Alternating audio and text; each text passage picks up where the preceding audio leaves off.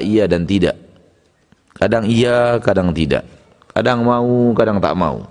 Kadang sami'na wa ata'na, kadang sami'na wa asaina. Kadang mau taat, kadang tidak mau taat. Sayang, dia sudah tahu bahwa Nabi Muhammad SAW dan dia sudah tahu bahwa Nabi Muhammad diperintahkan untuk diikuti, diteladani segala sesuatu. Akan tetapi masih maju mundur antara iya dan tidak. Dan mungkin di posisi ini banyak umat Islam sekarang ini yang berada pada posisi maju mundur. Kadang taat, kadang tidak. Kadang semangat mengikuti dan mencontoh, kadang jauh sekali semangatnya berkurang. Kadang mengikuti di satu poin, tidak mengikuti di poin yang lainnya. Dan itu salah. Semuanya. Para da'i, para ustaz selalu membacakan kepada kita ayat ya ayyuhalladzina amanu dukhulu fi silmi kafah. Hai orang-orang yang beriman masuk Islam itu jangan setengah-setengah. Jangan kadang iya, kadang tidak. Mau ikut yang ini, enggak mau ikut yang itu. Allah katakan kafah. Udkhulu fi silmi kafah. Masuklah ke dalam Islam itu secara totalitas. Secara keseluruhan. Ada dalam istilah kita orang Minang sekare ula sekare balui. Ya, se, se, se, sepotongnya, setengahnya ular haram, setengahnya belut halal. Kadang-kadang yang halal yang dia lakukan, kadang-kadang yang haram dia lakukan. Inilah manusia dalam beragama sakare ula sakare balui. Tidak kafah. Tidak menyeluruh. Harusnya halal semuanya. Sehingga bermanfaat. Ma'asyarul muslimin, ma'asyarul muslimat rahimani wa rahimakumullah. Kalau masih ada di antara kita orang-orang yang beragama seperti tadi, maka kita nasihati. Beragama tidak bisa seperti itu. Beragama bukan terserah maunya kita. Tapi beragama adalah terserah maunya Allah. Maunya Allah bagaimana dari diri kita, kita begitu. Jam ini kita maunya tidur, tapi Allah maunya kita bangun. Wudu ke masjid. Ya sudah kita tinggalkan apa maunya kita. Kita ikuti apa maunya Allah. Jam segini lagi enak-enaknya di pasar lagi rame-ramenya pelanggan Allah suruh kita tinggalkan datangi lagi rumahku ruku dan sujud ya sudah kita tinggalkan apa maunya kita kita ikuti apa maunya Allah. Kita tinggalkan toko kita tinggalkan kerjaan kita. Bila perlu tutup toko itu buat maaf lagi sholat. Hilang pelanggan hilang dari mana? Yang mengatur pelanggan itu Allah bukan toko kita yang buka atau tutup. Manakala seorang pedagang iringi dagangnya dengan jujur yang luar biasa, jangankan tutup lima kali sehari, tutup tiga puluh kali sehari saja, orang tetap akan mau ke toko itu. Karena mereka merasa bahwa pedagangnya sangat jujur, sangat amin, amanah luar biasa. Dan amanah ini yang pertama kali hilang dari umat Nabi Muhammad manakala zaman sudah dekat dengan hari kiamat. Jangan takut rezeki kita terhalang karena kita tutup sholat 10-15 menit. Bahkan boleh jadi itulah yang telah membuka pintu rezeki kita yang sangat luas. Tapi iringi dengan akhlak yang lainnya. Iringi dengan keinginan untuk melayani, keinginan untuk jujur, keinginan tidak ada menipu sedikit pun kalau barangnya tidak asli kita katakan tidak asli kalau barangnya cacat kita katakan cacat yakinlah dan percayalah sekarang manusia-manusia dengan pedagang yang pedagang-pedagang dengan jujur itu pasti dikerumuni orang bagaikan semut mengerumuni gula karena yang amanah itu sudah langka barang langka sekarang dia sehingga benar-benar dicari orang. Saatnya kita capek dan letih, lelah, rasanya ingin istirahat. Kekuatan rasanya sudah maksimal dikerahkan di siang hari. Saatnya yang paling enak itu rebahan dan tidur-tiduran bermalas-malasan. menikmati sisa tenaga, Allah katakan bangun, pergi ke masjid sholat asar. Kita tinggalkan kemauan kita, kita ikuti kemauannya. Allah. Hari pun mulai senja, orang-orang sudah pulang ke rumah masing-masing, jangankan manusia, hewan pun sudah kembali ke sarangnya, kita pun tutup toko kita, masuk rumah kita, mandi, segar, bertemu dengan istri, bertemu dengan anak. Air minum kesukaan kita pun telah disiapkan. Rasanya sedang enak bercengkrama dengan keluarga. Kata Allah, tinggalkan keluargamu, pergi ke masjid sholat. Tinggalkan maunya kita, lakukan maunya, maunya Allah. Pulang sholat maghrib, makan malam pun telah menunggu. Dan kemudian kita pun santap malam dengan hidangan yang telah dibuat dengan penuh keikhlasan oleh tangan kreatif di rumah tangga bernama istri. Mulailah urat perut tegang Ketika urat perut tegang, urat mata kendor. Mulai ngantuk datang. Apalagi tadi pagi bekerja keras, banting tulang untuk mencari rezeki. Saya nasihati ya, mencari rezeki jangan sampai tulang dibanting-banting, patah nanti. Santai saja mencari rezeki, jangan sampai banting-banting tulang. Ya.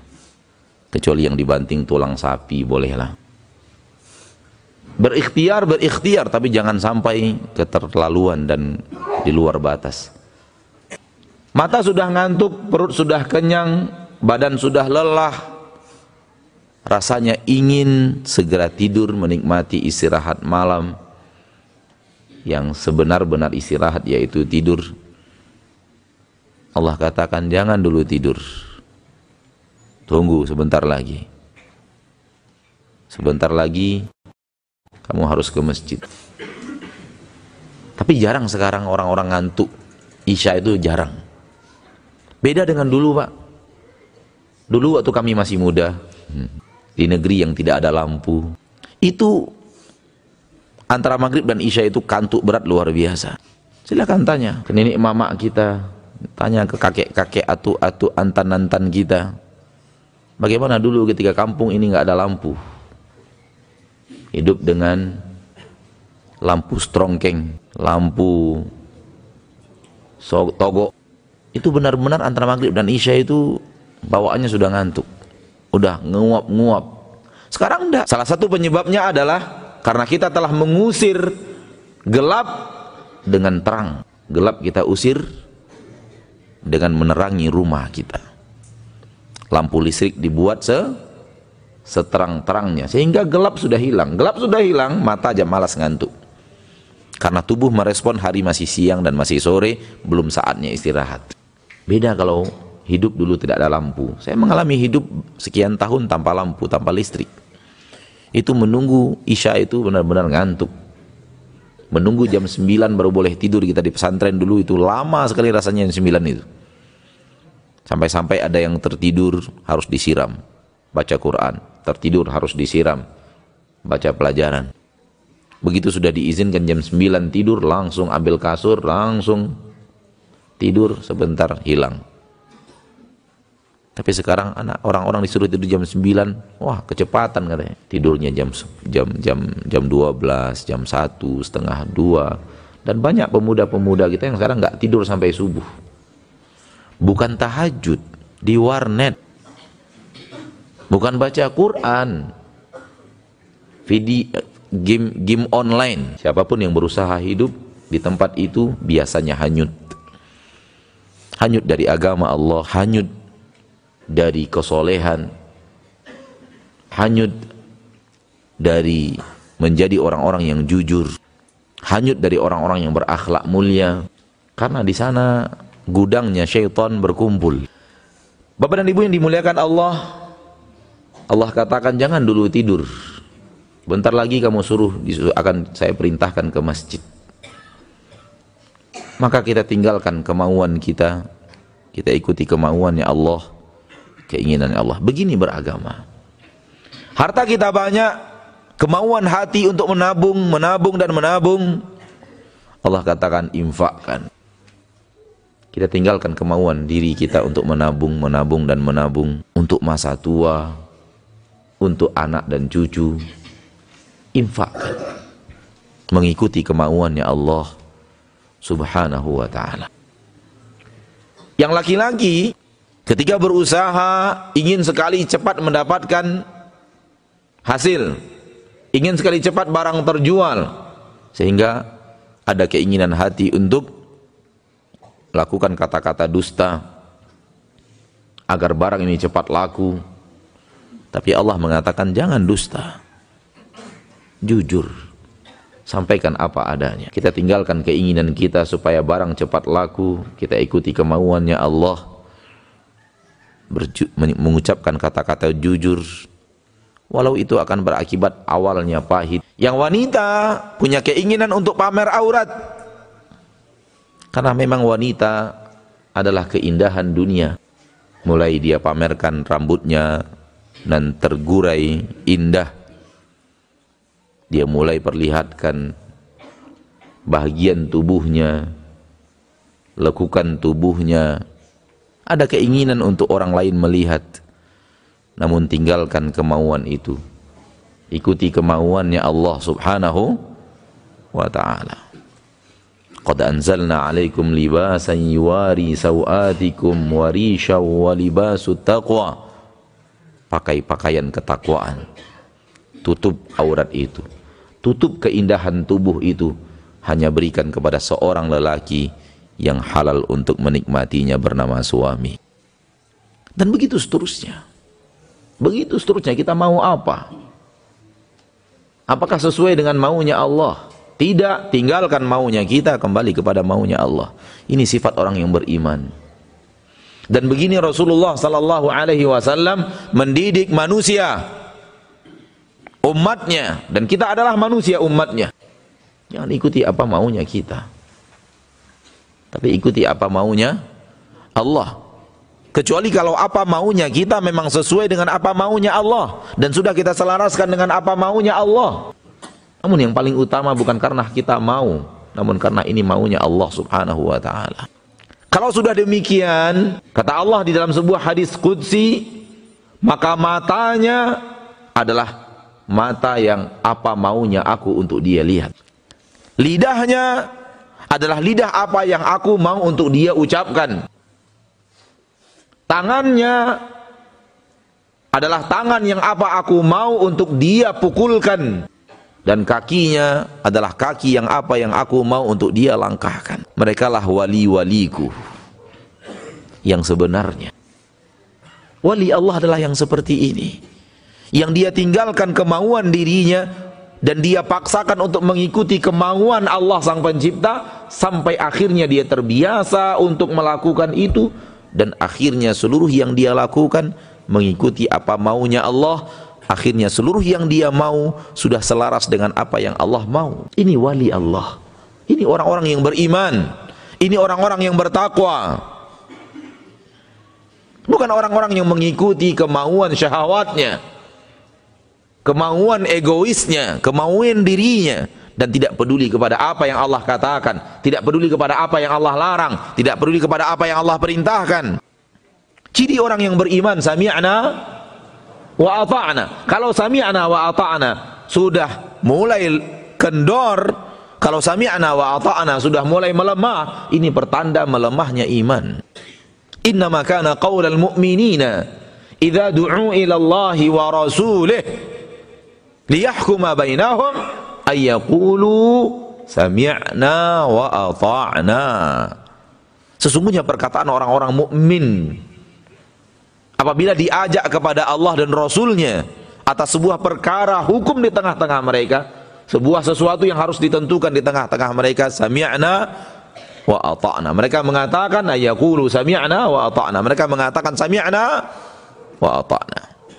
Kami dengar dan kami taat menjelang perang badar Rasulullah sallallahu alaihi wasallam bertanya tentang kesiapan para sahabat Abu Bakar angkat suara menyatakan siap.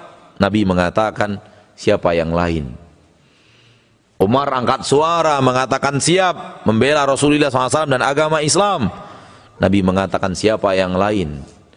Sahabat yang lain masih muhajirin bangkit mengatakan siap. Nabi tetap mengatakan siapa yang lain, siapa yang lain karena Nabi inginkan Ansor yang berbicara. Karena muhajirin orang-orang Mekah datang bersama Nabi ke Madinah. Sebahagian mereka ada hubungan kefamilian dan kekeluargaan, kesukuan sama-sama Quraisy bersama Nabi Muhammad sallallahu alaihi wasallam. Adapun orang Ansar dari Aus dan Khazraj yang secara kabilah berbeda jauh daripada Quraisy. Sampai akhirnya ketika Nabi tetap mengatakan siapa yang lain, siapa yang lain, Ansar sadar bahwa mereka lah yang dituju. Maka berdirilah pemimpin Ansar bernama Sa'ad bin Ubadah. Dan Sa'ad bin Ubadah berkata kepada Rasul kita tercinta, Ya Rasulullah, ka'annaka turiduna. Sepertinya kami yang engkau inginkan. Ya Rasulullah, ini ansar dan harta-harta ansar. Perintahkan apa yang engkau inginkan. Ambil yang engkau mau, tinggalkan yang engkau mau. Yang engkau ambil lebih kami cintai daripada apa yang engkau tinggalkan. Ya Rasulullah, ini ansor dengan nyawa-nyawanya di hadapanmu. Perintahkan kami apa yang engkau mau ya Rasulullah. Kalau engkau perintahkan kami menyeberangi lautan, kami akan seberangi lautan bersamamu. Ini ansor. Rasulullah tersenyum bahagia. Ini umat Nabi Muhammad. Disuruh berinfak, dia infakkan. Dan apa yang dia infakkan lebih dia cintai dari apa yang tersisa. Ini perjuangan membela agama Allah dan mereka siapkan diri mereka. Mereka siapkan nyawa mereka untuk perjuangan agama Allah ini. Ini orang yang masuk Islam kafah. Abu Bakar radhiyallahu taala anhu dalam sebuah riwayat disampaikan kepadanya. Disampaikan kepada kita dalam salah satu biografi Abu Bakar radhiyallahu anhu wa ardahu bagaimana patuh dan taatnya kepada Rasulullah dan bagaimana dia menjadikan Rasulullah sebagai suri tauladannya pasca wafatnya Nabi kita Muhammad sallallahu alaihi wasallam beberapa pekan setelah Rasulullah tiada. Maka kaum muslimin di kota Madinah masih berkabung. Orang yang paling mereka cintai telah tiada. Orang yang mereka jadikan suri tauladan setiap hari telah tiada. Orang yang setiap hari bersama mereka di masjid. Sudah tidak ada lagi datang dan masuk ke masjid itu. Namun Abu Bakar di antara manusia yang paling tangguh dan paling sabar menghadapi ujian berat itu. Yang ada di benaknya bagaimana dia bisa bertahan seperti yang diajarkan dan diamalkan Rasulullah sallallahu alaihi wasallam. Dan dia tetap menjalankan hari-harinya meniru dan mencontoh Nabi kita Muhammad sallallahu alaihi wasallam. Suatu hari ada keinginan hatinya untuk bertanya kepada anaknya Aisyah. Wahai Aisyah, apalagi gerangan yang dilakukan Rasulullah yang ayahmu belum belum lakukan? Apalagi gerangan yang dikerjakan Rasulullah yang ayahmu belum kerjakan wahai Aisyah?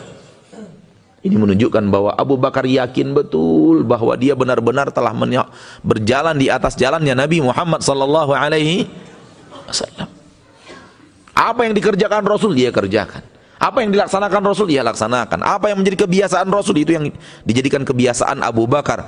Yang tadi apa maunya Rasul itu yang dimaukan oleh Abu Bakar. Sehingga dia ingin bertanya kepada orang yang sangat mengerti siapa Rasulullah. Bahkan dia mengira itu lebih mengerti daripada dirinya karena ini adalah istrinya langsung walau anak Abu Bakar bernama Aisyah kata Aisyah wahai ayahanda rasanya semua yang dikerjakan Rasul telah pun anda lakukan coba lihat. Coba lihat. Rasanya semua yang dikerjakan Rasul telah anda kerjakan wahai ayahanda. Ini dia ya ayyuhalladzina amanu dkhulu fis silmi kafah benar-benar mengatur hidup menata hidup sesuai dengan apa yang diinginkan oleh Allah. Sesuai dengan apa yang diajarkan Rasulullah. Namun ada satu pekerjaan Rasul yang anda belum amalkan.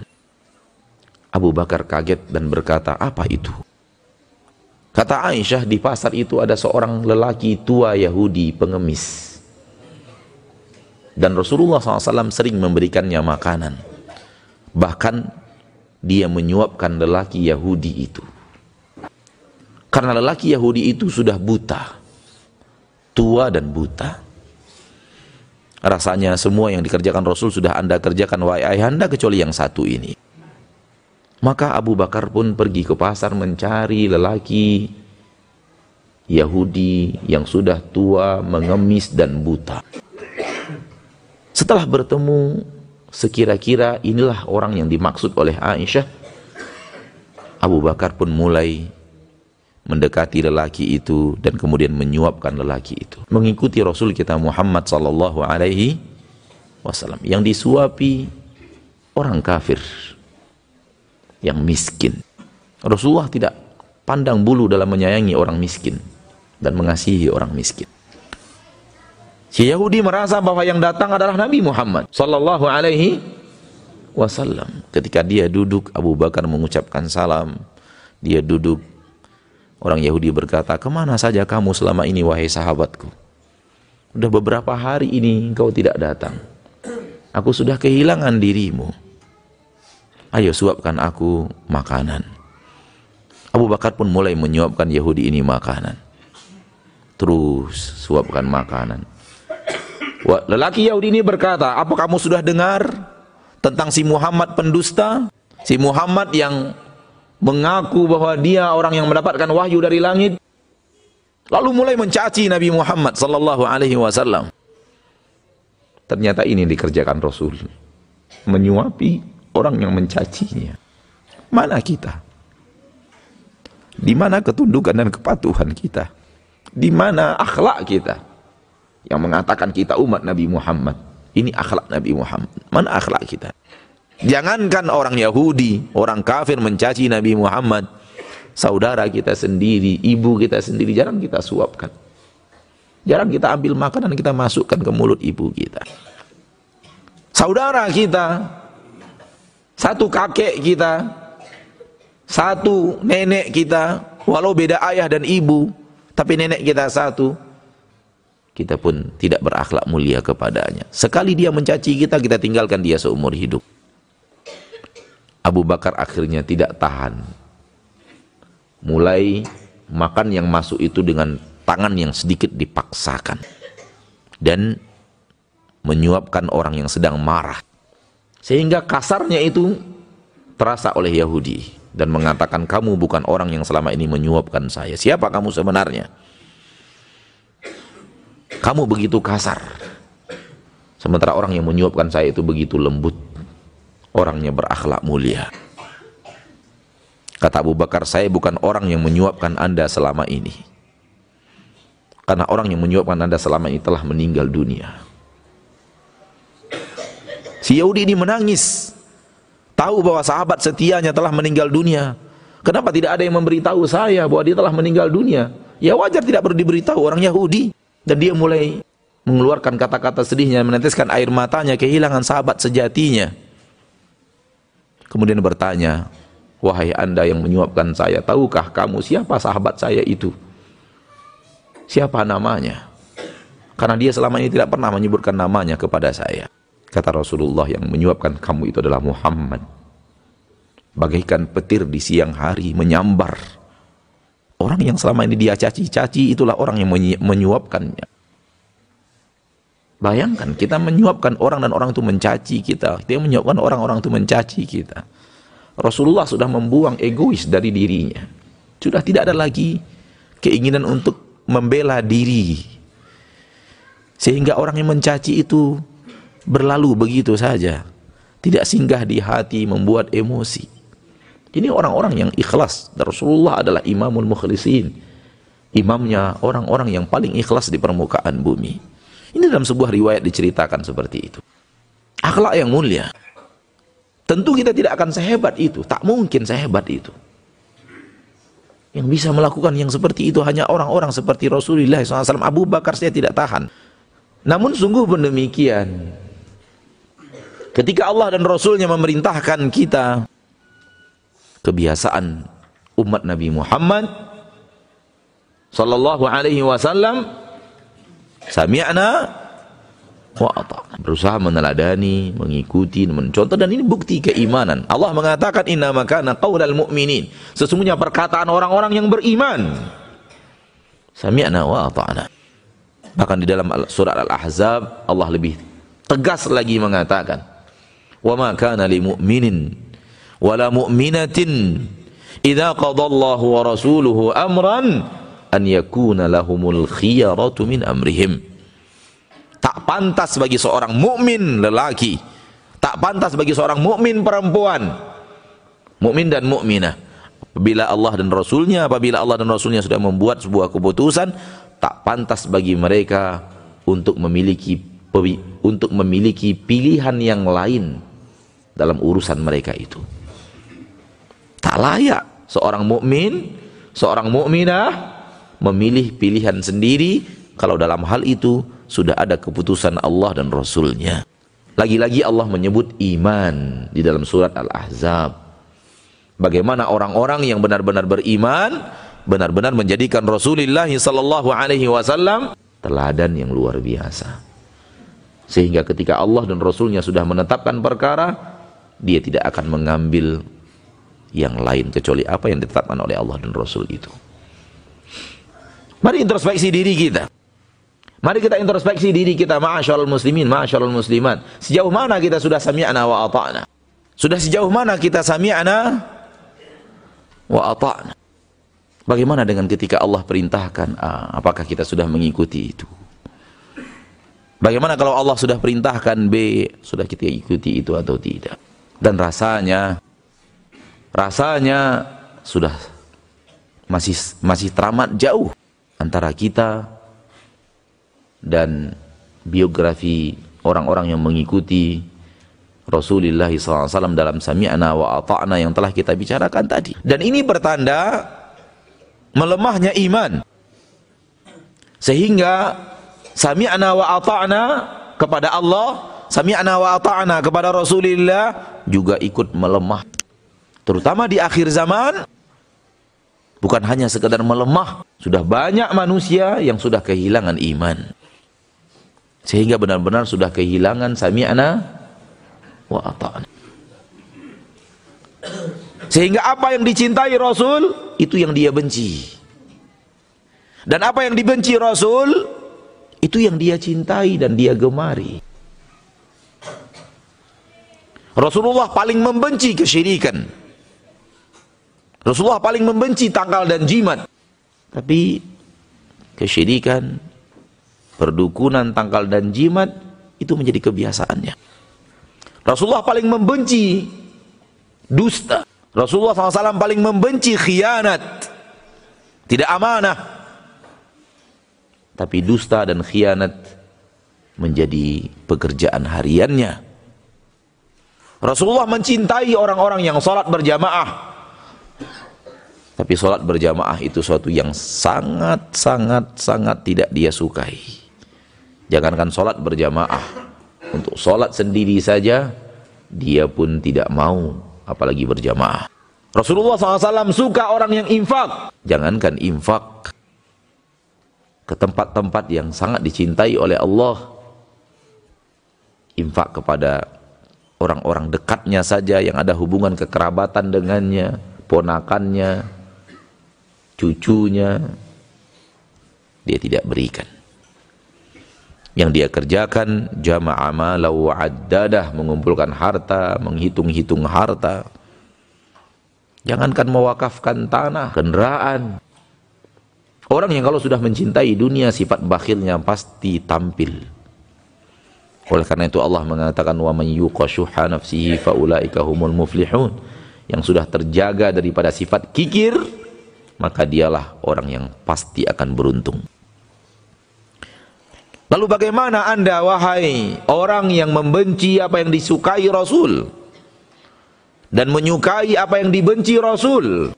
Melihat orang laki-laki berpenampilan mulai menjaga penampilan seperti penampilan yang diajarkan Rasul dia alergi alergi melihat wanita yang mulai menata busananya sesuai dengan busana yang diajarkan Rasul Dia yang marah-marah.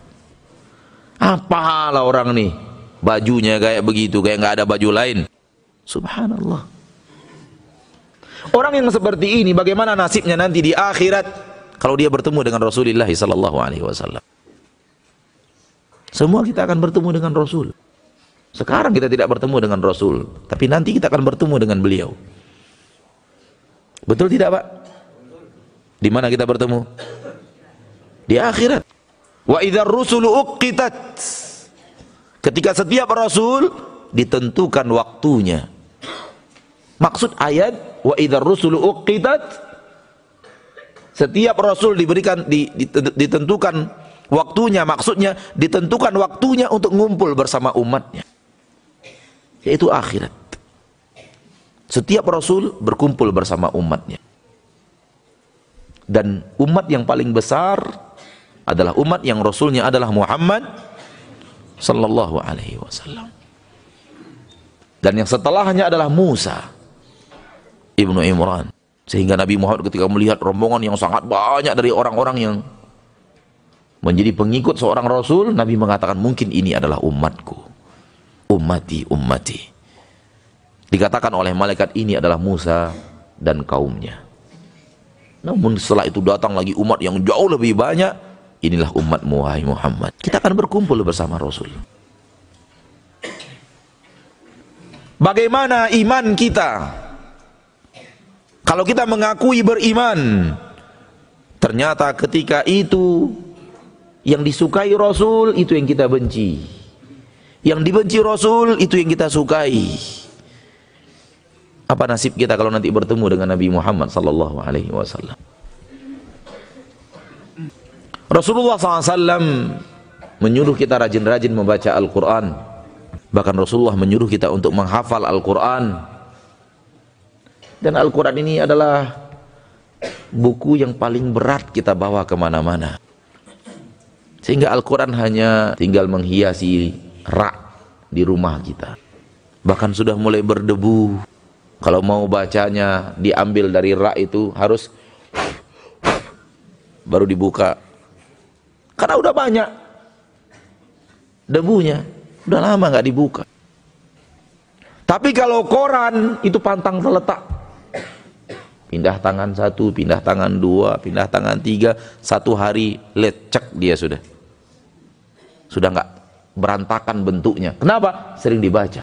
Dan jarangnya manusia berinteraksi dengan Al-Quran, tanda lemahnya iman. Semakin iman kita kuat, semakin hubungan kita dengan kitabullah akan menguat.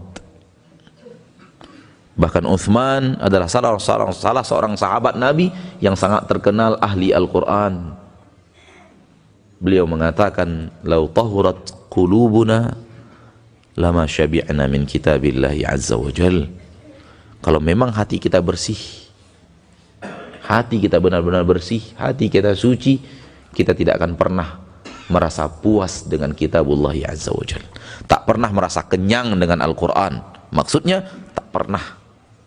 Al-Quran itu dibaca terus, baca terus, dan tidak ada pernah rasa puas. Ingin lagi, ingin lagi, ingin lagi, ingin lagi, ingin lagi, ingin lagi. Dan Al-Quran sifatnya seperti itu. Semakin rajin diulang, semakin enak membacanya. Yang, pa yang paling sering kita ulang itu yang paling enak kita membacanya. Makanya yang paling enak antum baca dari surat-surat Al-Quran selain Al-Fatihah adalah Al-Ikhlas. Paling enak bacanya kan? Iya. Kenapa? Paling sering diulang. Makanya paling enak. Setelah anna, setelah Al-Ikhlas, An-Nas. Qul a'udzu birabbin nas, malikin nas, itu pun salah baca walaupun sering mengulang. Qul a'udzu birabbin nas malikin nas. Salah. Ma tidak panjang di situ tidak mad. Yang mad maliki yaumiddin. Itu yang mad. Namun mayoritas orang Indonesia membaca Qul a'udzu birabbin nas malikin nas salah itu yang benar malikin nas Walaupun sudah banyak bacanya, tapi karena ikut-ikutan, akhirnya ikut salah. Ini penyakit, ini penyakit orang yang ikut-ikutan. Orang salah dia ikut salah. Dan pendengaran kita, mendengar umat Islam mayoritas Indonesia membaca An-Nas salah dalam mat Maliki Yaumiddin. Entah apa yang terjadi, saya pun tidak tidak tahu. Al-Quran di depan mereka setiap hari ada. Dan ketika kadang-kadang saya tes, saya pegang Al-Quran, baca. Dia tetap membaca, Qul a'udhu bi rabbin nas, malikin nas. Saya katakan baca benar-benar. Tetap Qul a'udhu bi rabbin nas, malikin nas. Padahal Al-Quran sudah dibentang di depan matanya. Tetap tidak bisa membaca malikin nas. Karena lidahnya sudah terbiasa salah. Yang benar, Qul a'udhu bi rabbin nas malikin nas. Tidak ada mat di sana. Dan saya yakin ini jemaah ini kalau pulang baca an-nas terus nih kayaknya nih. Karena yang saya katakan tadi banyak umat Islam yang salah dalam malikin nas juga banyak wajah-wajahnya di sini nampaknya. Sekarang baru kaget loh pendek ya bukan panjang ya. Itu nampak tuh dari matanya nampak ngomong. Kaget. Baru kali ini ada ustadz mengatakan matnya itu tidak ada. Cobalah lihat Al-Quranul Karim. Pandang. Kalau Anas sudah salah apalagi Al-Baqarah. Itu nasib kita pak. Nasib kita yang jarang interaksi dengan Al-Quranul Karim. Jarang hadir di majelis-majelis yang di dalamnya bacaan Al-Quran kita dibenarkan lagi ditahsin lagi. Kalau panjang pendek salah apalagi makharijul huruf. Ternyata tidak gampang belajar makharijul huruf. Bagaimana mengeluarkan huruf dari makhrajnya yang benar? Seorang ustad belajar dari, dari ayahnya Ja'far. Satu kali pertemuan itu baru benar cara mengucapkan a'udzu billahi minasyaitonir rajim bagaimana mengeluarkannya sesuai dengan makhrajnya yang paling benar satu pertemuan antara maghrib dan isya hanya a'udzu billahi minasyaitonir rajim. Mari interaksi dengan Al-Quran. Kita tunjukkan bahwa kita orang-orang yang beriman, bukan orang-orang yang lemah iman, apalagi yang kehilangan iman.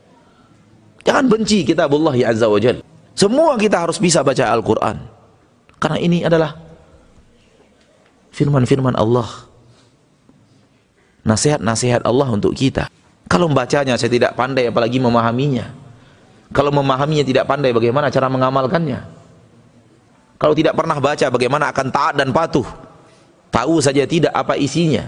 Dan bagaimana kita akan mengatakan patuh dan taat kepada Allah dan Rasulnya kalau apa yang Allah katakan kita nggak tahu? Maka harus ada gerakan tahsin Al-Quran, membenahi bacaan Al-Quran. Dan perlahan ada gerakan tafsir Al-Quran. Apa makna daripada Al-Quran yang kita baca. Sehingga kita benar-benar kembali kepada Al-Quran. Kemudian mengecas kembali iman kita. Ketika Rasul kita sallallahu alaihi wasallam sakit, orang yang kita cintai suri taulah dan kita sakit Nabi Muhammad sallallahu alaihi wasallam. Rasulullah ingin juga dalam keadaan sakit yang parah itu masuk ke masjid dan mengimami salat. Namun begitu beliau bangkit berjalan beliau pingsan, mencoba untuk bangkit lagi dan pingsan lagi sampai betul-betul beliau merasa bahwa saya tidak bisa lagi ke masjid. Lalu kemudian Abu Rasulullah mengatakan muru Abu Bakrin fal yusalli bin nas. Perintahkan Abu Bakar agar dia salat memimpin manusia. Aisyah ada di samping Rasulullah. Dan Aisyah berkata kepada Rasulullah sallallahu alaihi wasallam, "Ya Rasulullah, inna Abu Bakrin rajulun bakka."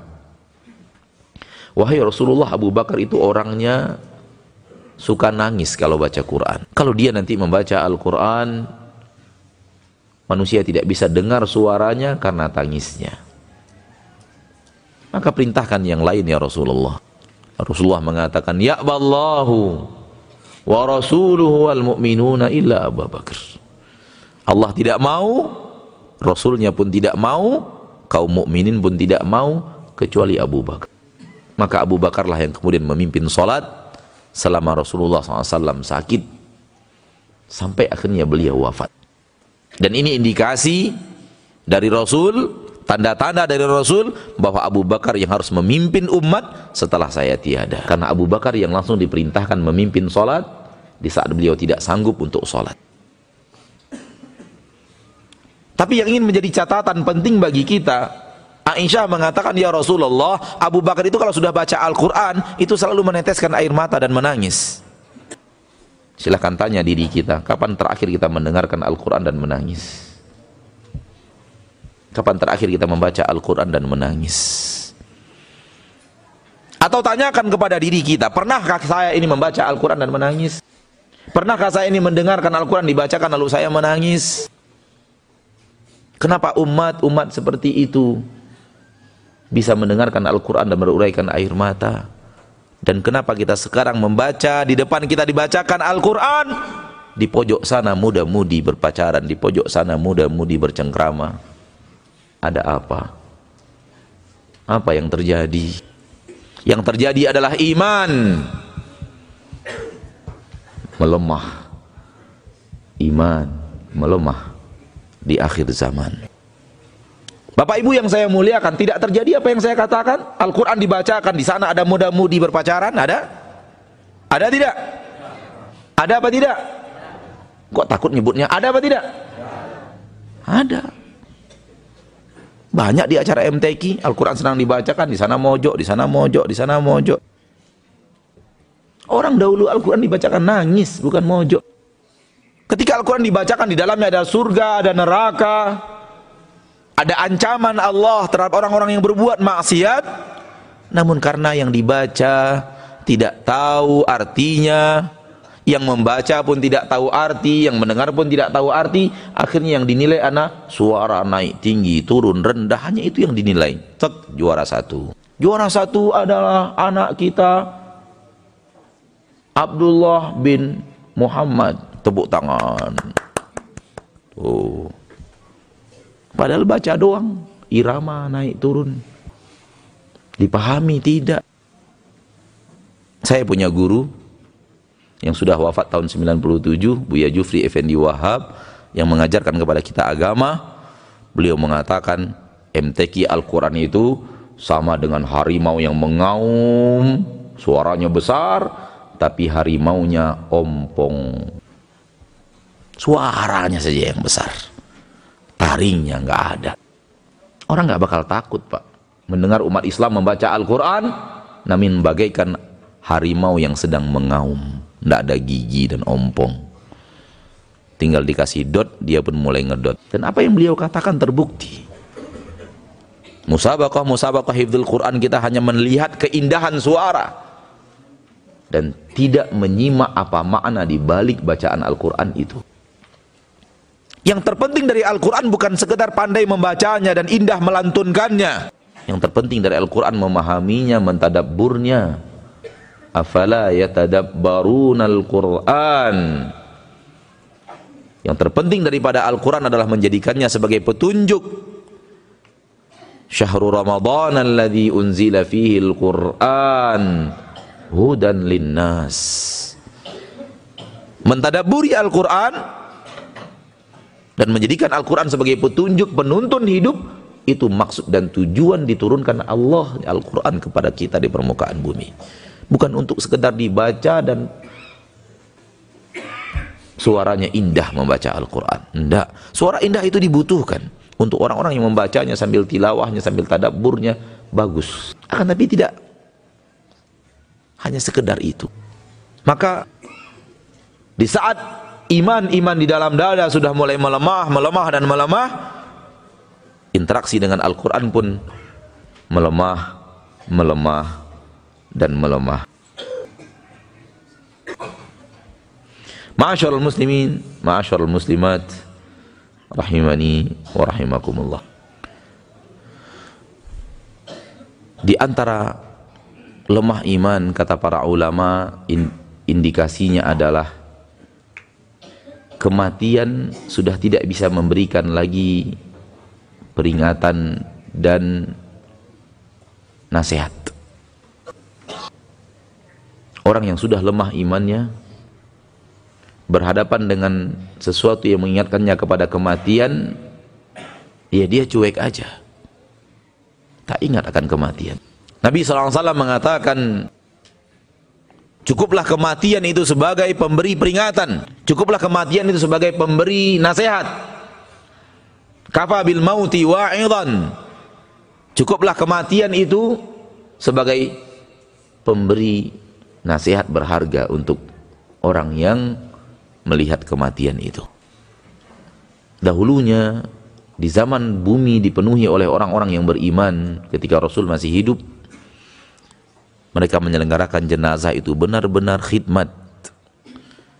Dan semua yang hadir benar-benar menghayati bahwa akan ada kematian. Dan kita akan mati. Dan kita akan digotong orang kita akan masuk ke dalam kubur dengan amalan-amalan kita. Dunia akan kita tinggalkan. Jabatan akan kita tinggalkan. Kemewahan dunia akan kita tinggalkan. Kalaulah bukan karena kewajiban menutup aurat kita pun akan kembali tanpa pakaian. Karena pakaian itu untuk mayat itu hanya sekedar menutup auratnya. Sebagaimana dahulu kita kembali datang seperti itu kita kembali. Sehingga kematian itu benar-benar memberikan nasihat yang berharga. Suatu hari kata Barra bin Azib radhiyallahu anhu wa ardah di dalam hadis sahih riwayat Imam Ibnu Majah dan yang lainnya kami mengantarkan jenazah ke Baqi' namun sesampainya kami di Baqi' kuburan sudah digali namun lahatnya belum dibuat. Karena lahat adalah sesuatu lubang kecil dibuat miring dari lubang lubang kuburan. Ini liang kuburan lalu dibuat lagi di sampingnya untuk dimasukkan mayat. Itu yang disebut dengan lahat. Kami sudah sampai ke kuburan itu walamma yulhad. Kuburan itu belum dibuatkan lahat. Lalu kami duduk menunggu orang membuat lahat Rasulullah duduk dan kami pun duduk menundukkan kepala seolah-olah saking tenangnya dan tidak bergeraknya para sahabat kata Anas seolah-olah di kepala mereka itu ada burung yang hinggap saking mematungnya mereka menghayati proses pemakaman saudara mereka mereka duduk di depan Rasul menunduk diam tenang Saking tenangnya mungkin dianggap kayu oleh burung dan burung berdiri di atas kepala mereka. Seolah-olah di atas mereka ada burung. Ka'anna ala ru'usihim Saking tenangnya. Semua hati mengambil pelajaran dari kematian. Semua hati mengambil pelajaran dari pemakaman. Semua hati mengambil pelajaran dari manusia yang dimasukkan ke dalam tanah. Di zaman kita sekarang, yang seperti ini hampir tidak ada. Bahkan di dalam di, di proses pemakaman orang tertawa-tertawa. Yang menangis hanya keluarga-keluarga saja. Itu pun menangis bukan karena ingat kematian, menangis karena kehilangan. Dan itu tangis yang berbeda. Tangis orang menangis karena ingat kematian itu tangis peringatan. Tangis orang yang mengambil peringatan dari kematian. Sementara tangis orang yang ditinggal keluarganya, tangis kesedihan, di mana ayahnya meninggal, anaknya meninggal. Dan tangis ini orang kafir pun menangis kalau ayahnya meninggal, bukan orang Islam saja. Betul tidak? Iya. Bukan tangis itu yang diinginkan Allah. Akan tapi tangis seorang yang mendapatkan manfaat, seorang yang mendapatkan hikmah dari menjalankan pemakaman itu. Ke sini saya nanti akan dibawa orang. Ke sini saya akan nanti akan dimasukkan orang. Begini nanti saya akan diperlakukan orang begini saya akan nanti membawa amal saya sendiri. Namun kalau sudah hilang iman, kematian tidak lagi menjadi pembawa peringatan. Yang terakhir dari tanda-tanda lemahnya iman di akhir zaman adalah lalai daripada Allah. Lalai dari mengingat Allah. Karena manusia sudah banyak melupakan Allah Subhanahu wa taala. Allah berfirman di dalam Al-Quran, Ya ayyuhalladzina amanu la takunu kalladzina nasullaha fa'ansahum anfusahum.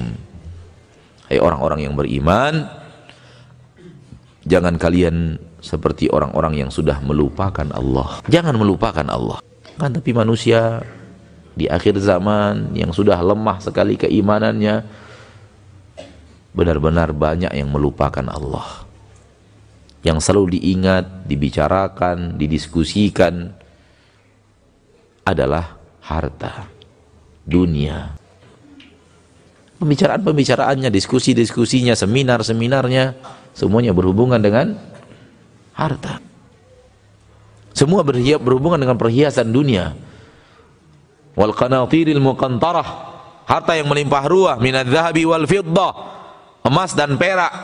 Wal khairil musawwama, kuda-kuda tunggangan pilihan.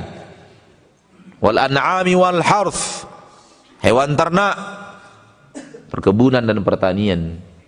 Dzalika mata'ul hayatid dunya. Semua itu hanya perhiasan dunia. Wallahu indahu husnul ma'ab di sisi Allah ada tempat kembali yang jauh lebih baik daripada itu. Apa dia? Qul a'unabbi'ukum bi khairin min dzalikum. Lalu Allah bercerita surga. Maukah kalian aku beritahu yang lebih baik daripada semua itu? Surga-surga yang mengalir di bawahnya sungai-sungai. Orang kalau sudah terlalu cinta dunia akan lupa akhirat. Dan orang yang kalau sudah terlalu cinta akhirat tidak akan pernah bisa melupakan dunia. Orang kalau sudah terlalu cinta dunia, apa Pak? Lalai dari akhirat, lalai dari Allah dan hari akhirat. Tapi kalau sudah terlalu cinta akhirat, tak pernah bisa melupakan dunia. Jadi dunia nggak bisa dilupakan. Jadi jangan takut anak antum belajar ilmu agama nanti takut lupa dunia gitu. Jangan takut. Orang sekarang melihat anak belajar agama, anaknya rajin ke masjid, anaknya rajin pengajian, anaknya mulai pelihara jenggot, anaknya mulai melakukan agama. Hei, jangan, jangan, jangan. Nanti kamu sesat. Takut anaknya nanti kalau sudah condong kepada agama, sudah tidak mau lagi bekerja, tak mau lagi mencari nafkah, tak mau lagi ini, tak mau lagi itu. Yang dia takutkan dunianya. Orang yang sudah dekat dengan Allah tidak akan bisa melupakan dunia, itu nggak bisa. Kenapa? Karena kecintaan kepada harta itu, kecintaan sekedar cinta hati terhadap dunia, itu sudah Allah pasang permanen di dalam diri kita. Wal 'adiyati dhabha, fal muriyati qadha, fal mughirati subha, فأثرن به نقعا فوسطن به جمعا إن الإنسان لربه لكنود وإنه على ذلك لشهيد وإنه لحب الخير لشديد ini dia ayatnya. Wa innahu lihubbil khairi lasyadid. Sesungguhnya manusia itu mencintai kebaikan, mencintai khair kebaikan lasyadid, benar-benar bersangatan cintanya. Kebaikan yang dimaksud oleh Allah di dalam Al-Qur'an adalah harta. Bukan kebaikan maksudnya amal soleh. Bukan kebaikan maksudnya salat.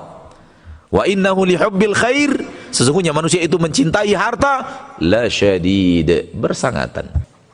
Jadi cinta harta itu suatu sifat permanen yang sudah Allah tanamkan. Chiefnya, chiefnya kalau ada chief ya, chips. Kalau ada chip, chip itu sudah masuk permanen tuh pak. Nggak bisa dibongkar lagi dari hati itu. Cinta harta, cinta pitih, nggak bisa di. Lihat dia benci ayahnya karena duit. Dia benci suaminya karena duit. Dia benci atasannya karena duit. Dia benci tetangganya karena duit Cinta harta itu nggak bisa dihilang-hilangkan. Hampir-hampir seluruh persahabatan karena duit. Hampir-hampir karena seluruh permusuhan karena duit. Ini manusia. Jadi kalau anak kita terlihat dekat dengan agama Allah, jangan takut dia akan akan menjadi orang yang sudah tidak kenal lagi duit itu apa. Jangan. Sehebat apa pun dia baca Al-Quran, nangis baca Al-Quran ditawarkan. Ini ada dua amplop, satu lima juta, satu lima puluh juta, pilih mana? Lima puluh. Pasti itu tidak akan ada. Nah udah lima aja nggak apa-apa. Nggak ada cinta harta itu nggak bisa dihilangkan. Dan Allah juga tidak pernah menyuruh kita melupakan dunia. Tak boleh dilupakan dunia. Allah melarang kita melupakan dunia. Wabtaghi fima ataka Allahu daral akhirah wala tansa nasibaka minad dunya. Cari akhirat, raih akhirat, terus ke akhirat namun jangan lupakan dunia. Dunia tidak boleh dilupakan. Kalau ada orang yang melupakan dunia, dia tidak menjalankan agamanya dengan benar. Karena Allah merintahkan jangan lupakan dunia. Jadi kalau ada orang mengatakan dunia harus dilupakan, dunia harus ditinggalkan, dunia tidak boleh didekati, salah itu. Namun karena hati sudah lemah iman, maka hati tidak dekat lagi dengan Allah, dengan hari akhir. Kita gabungkan saja antara Allah dan hari akhir. Sudah lalai lalai dari Allah, lalai dari persiapan hari akhir. Dan lihat, satu hari yang kita lalui mulai dari setelah subuh sampai kita mau tidur, berapa persen sih untuk akhiratnya dan berapa persen untuk dunianya? Coba hitung, Mbak, sekali-sekali. Sekali-kali ngitung coba. Coba ngitung sekali-kali gitu. Saya bangun jam 5 pas azan. Sholat sekian menit. Setelah sholat pulang, makan goreng pisang. Ya, campur katan. Kemudian ngobrol Terus apa lagi? Lihat berapa berapa menit kita habiskan untuk akhirat, berapa menit kita habiskan untuk dunia. Coba sekali-kali dihitung. Kalau tahu supaya tahu kita, kita lebih banyak cinta dunia apa cinta akhirat? Takutnya kita terbuai. Oh, saya udah sholat, berarti saya cinta akhirat. Sholatnya pun kamahada, kata kawan-kawan saya. Cuman begitu-begitu aja sholatnya. Imam panjang sedikit, dia mulai gemetaran. Imamnya pendek, senang. Wah, ini imamnya mantap ini. Tahu dia, jemaahnya butuh waktu. Tadi kami diimami salat oleh imam yang luar biasa bacaan Al-Qur'annya, makharijul hurufnya luar biasa, tajwidnya luar biasa, gunnahnya luar biasa. Namun sayang, di rakaat pertama baca Al-Zalzalah. Padahal kita inginnya dia panjang baca ayatnya. Di rakaat yang kedua ya paling enggak kalau setelah Al-Zalzalah Al-Qari'ah lah gitu. Eh bukan Al-Qari'ah yang pertama. Al-Qari'ah yang pertama. Kita ingin yang kedua kalau paling tidak di bawah Al-Qari'ah sedikit gitu. Al-Humazah misalnya. Atau Al-Fil. Eh ternyata rakaat yang kedua baca Inna kal kautsar. Ya apa boleh buat.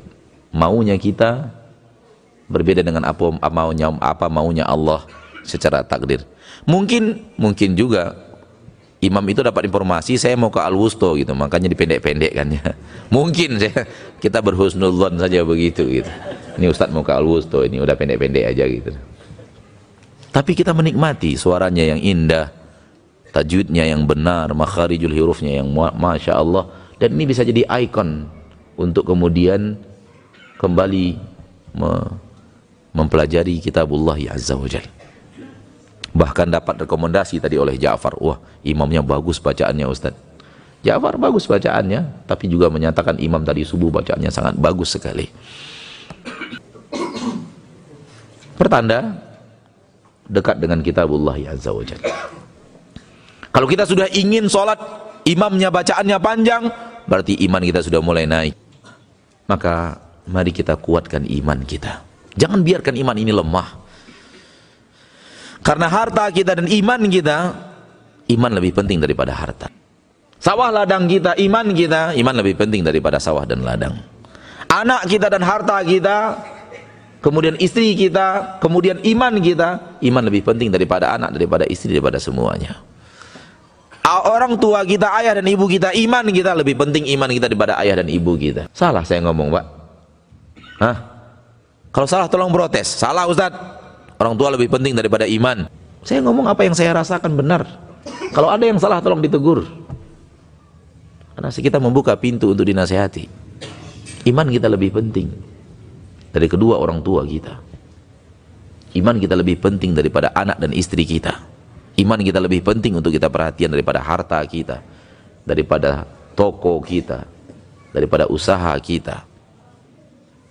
Sayang kalau kita tidak pedulikan iman kita.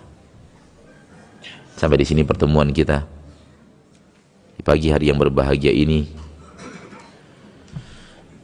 Dan semoga pertemuan ini membawa berkah untuk kita semuanya. Amin. Ya Rabbal Alamin. Kita tutup dengan doa kafaratul majlis. Subhanakallahumma wa bihamdika. Asyhadu an la ilaha illa anta. Astaghfiruka wa atubu ilaik. Tujuan utama daripada AMC didirikan adalah